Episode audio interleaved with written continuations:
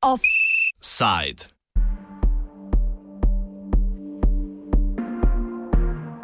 Postopoma se krizno stanje v državi umirja. Zdi se, da je bilo posebej dobrodošlo odprtje frizerskih salonov, trgovin z oblačili in seveda teras gostilen.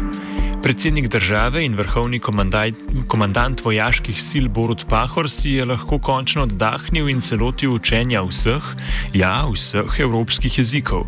Kaj? Aha, pardon. Očitno je to počel tudi med najhujšo krizo, ne samo po njej.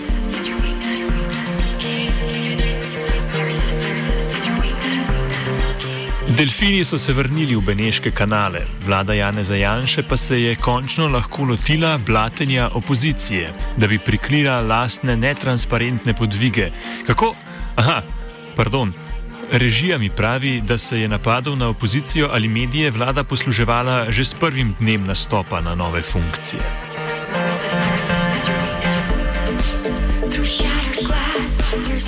Številni delavci, ki so zaradi epidemije ostali doma, se zdaj počasi vračajo na svoja delovna mesta. Veliko jih je bilo na čakanju, tako da so imeli pravico do nadomestila plače v višini 80 odstotkov osnove. Večina tistih, ki so v tem času delali, pa je upravičena do kriznega dodatka za marec, april in maj. V današnjem offsajdu smo preverjali, kako je z izplačevanjem kriznih dodatkov zaposlenim v zasebnem sektorju, ki jih je vlada določila z zakonom o interventnih ukrepih, in kakšna je situacija v javnem sektorju.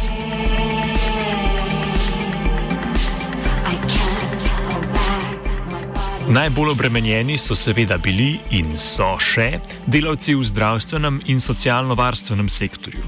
Delavci iz tega sektorja, ki so delali po kolektivni pogodbi za javni sektor, so zaradi dela v rizičnih razmerah upravičeni do dodatka v višini 65 odstotkov urne postavke osnovne plače. Poleg tega dodatka tistim, ki so pri svojem delu nadpovprečno izpostavljeni tveganju za svoje zdravje oziroma so prekomerno obremenjeni zaradi obvladovanja epidemije, pripada tudi dodatek za nevarnost in posebne obremenitve iz zakona o interventnih ukrepih za zajezitev epidemije COVID-19, ki je začel veljati 11. aprila. Ta drugi dodatek lahko znaša največ 35 odstotkov osnovne plače, kar v nekaterih primerjih pomeni, da delavec dobi dodatek v višini 100 odstotkov osnovne urne postavke.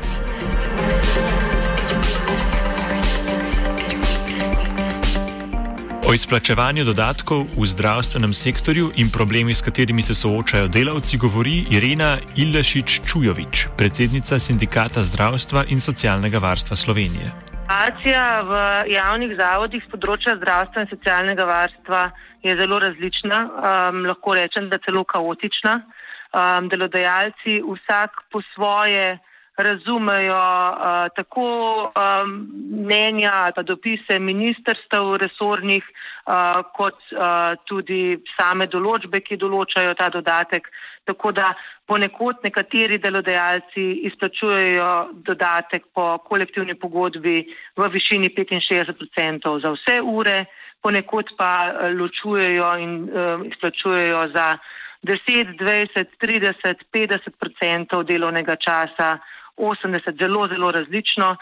Enako je s tem drugim dodatkom po interventnem zakonu, um, zelo po svoje in um, po nejasnih kriterijih delijo ta dodatek.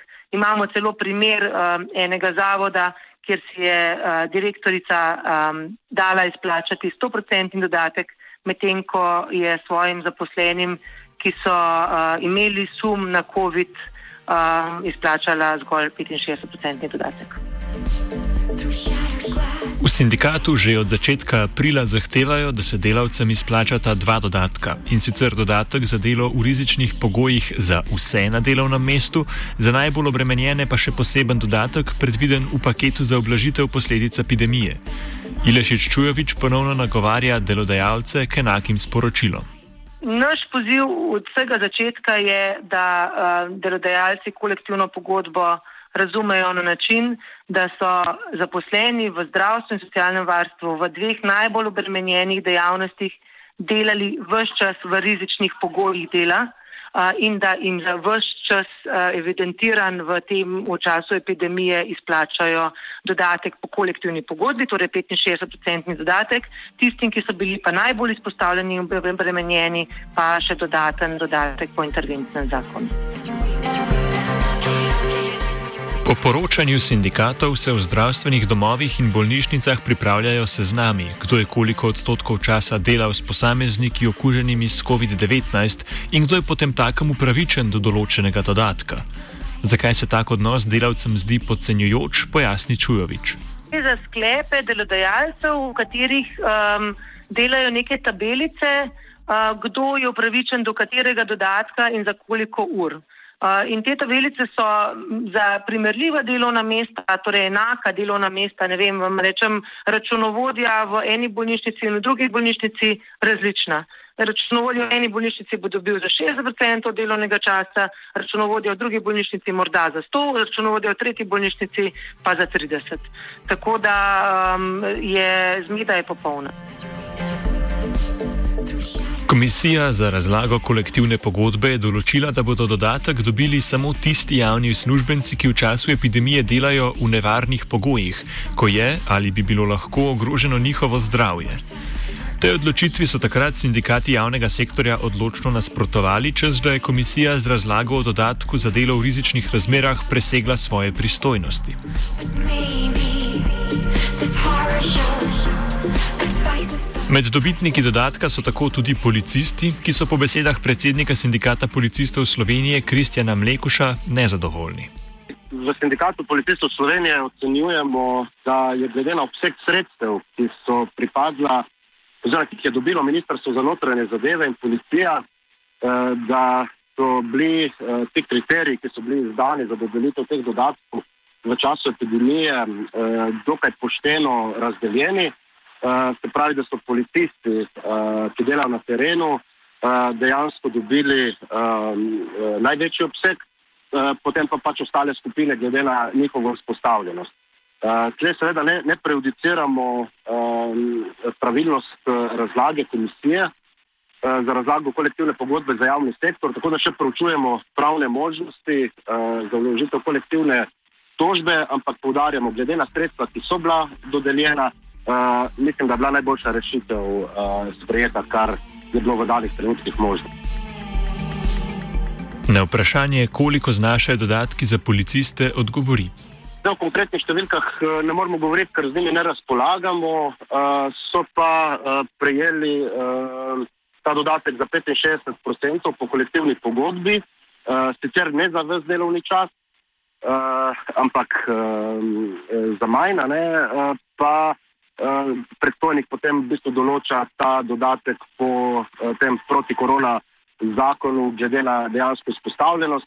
Ampak nekih težav mi nismo zaznali, uh, kajti policisti, recimo, ki so delali na kontrolnih točkah z Italijo ali ki so bili res najbolj izpostavljeni, so v bistvu tudi največ prejeli in ostali pač glede na njihovo dejansko izpostavljenost.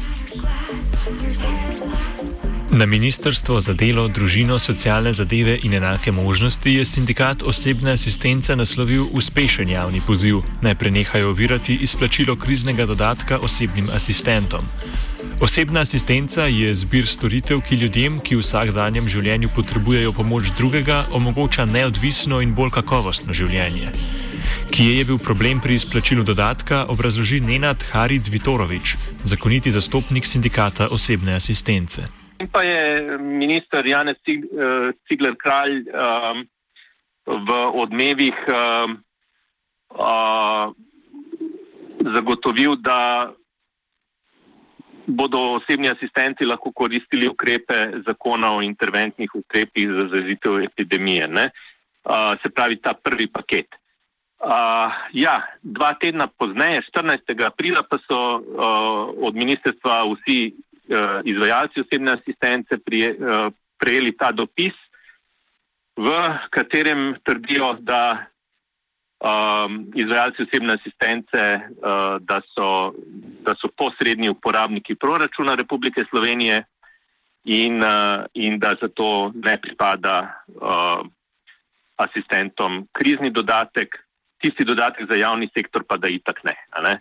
Uh, tako da v bistvu uh, najosebni asistenti ne bi dobili nič. Ne?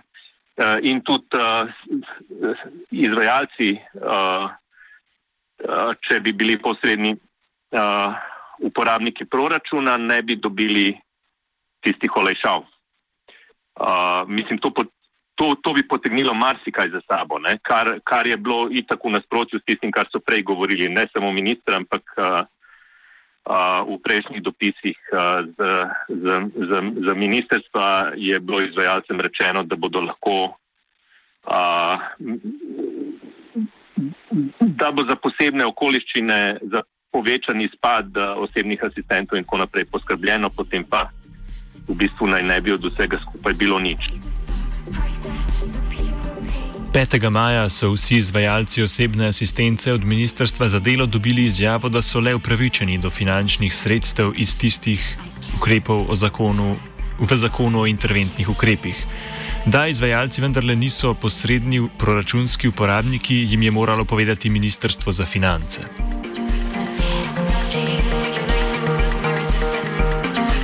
Že večkrat omenjeni zakon o interventnih ukrepih ali mega protikoronski paket v 33. členu določa, da delodajalci vsakemu zaposlenemu, ki dela in če ga zadnja izplačana mesečna plača ni presegla trikratnika minimalne plače, izplačajo ob plači za posamezni mesec krizni dodatek v višini 200 evrov, ki je oproščen plačila vseh davkov in prispevkov.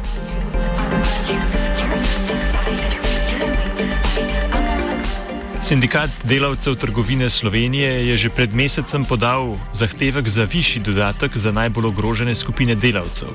Menijo, da bi morala trgovska podjetja, ki obratujejo v času krize, predvsem pa trgovine, ki se ukvarjajo živilsko dejavnostjo, lekarne v zasebni lasti in benzinski servisi, delavcem izplačati 500 evrov kriznega dodatka. Generalni sekretar sindikata Ladislav Rožič o njihovih zahtevkih.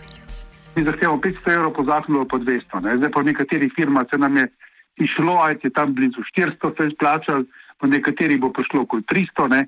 ampak uh, glavni grof firm bo izplačalo po to 200, ker morajo izplačati, ker je zakonska dikcija. Je nelogično, ne, da če imaš ti 1000 evrov plače, dobi podjetje za te 244 evrov bonusa, če imaš 1500 evrov plače, dobi 357 evrov bonusa, če imaš pa ne vem, 3000 evrov plače, ker je tudi neka olešava, dobi podjetje preko 700 evrov bonusa, delovci izplače pa 200 evrov. Kam gre pa razlika? Verjetno kapitalov že. In to nas moti. Ne? Kako je torej do sedaj potekalo izplačevanje dodatkov v trgovskem sektorju? Rožič. Podjetje se držijo tistega, kar je dala država, torej oprostitve plačila prispevkov za spis, tisto razliko, ti si 200 evrov, oziroma glede na uh, število urednega dela delavcem izplačajo, ki je več, pa že redka podjetja. Merkator sicer se je odločil, da bo izplačal 30% osnovne plače, kar je, glede na to, da so osnovne plače nizke, kar val nezadovoljstva med ljudmi povzročil. Ostala podjetja pa še tega niso dala. Nekatera sicer so, ampak teh bi lahko naštel na prste ene roke. V glavnem na račun ljudi so zopet kujejo dobičke. Ne? In lansko leto je bilo neto dobičko nekaj manj kot milijarda. In uh, te dobičke so še kar nekaj, nekateri firma nerazporejeni, vendar že zdaj gradijo naprej na spet na bedi ljudi. Mateja Grečnik, izvršna sekretarka sindikata kovinske in elektroindustrije, pravi, da je bilo sprva nekaj zmede in različnih odzivov podjetij, zdaj pa pritožb ne zaznavajo več. Situacija v naši panogi je trenutno, tako kot verjetno v vseh ostalih, precej nepredvidljiva. Podjetja so se v okviru te epidemije zelo različno obnašala, nekatera so takoj odredila kolektivni dopust, druga so ustrajala na tem, da je proizvodnja potekala nemoteno, normalno. Um, seveda pa so pričakovanja zaposlenih ob objavi tega, da jim pripada krizni dodatek, um, bila nekako, bom rekla, upravičena. Uh, prva vprašanja iz podjetij so bila predvsem o tem, ali če izplačamo krizni dodatek, potem res ne smemo izplačati božičnic, nagrad in tako naprej. ker nekatera podjetja pač vse to izplačujejo in se jim ni zdelo pravično, da bi pa zaradi tega, ker bi zdaj v tem trenutku nekako nagradili ljudi s kriznim dodatkom, bili zaposleni prikrajšani pri o, nagradah ob koncu leta.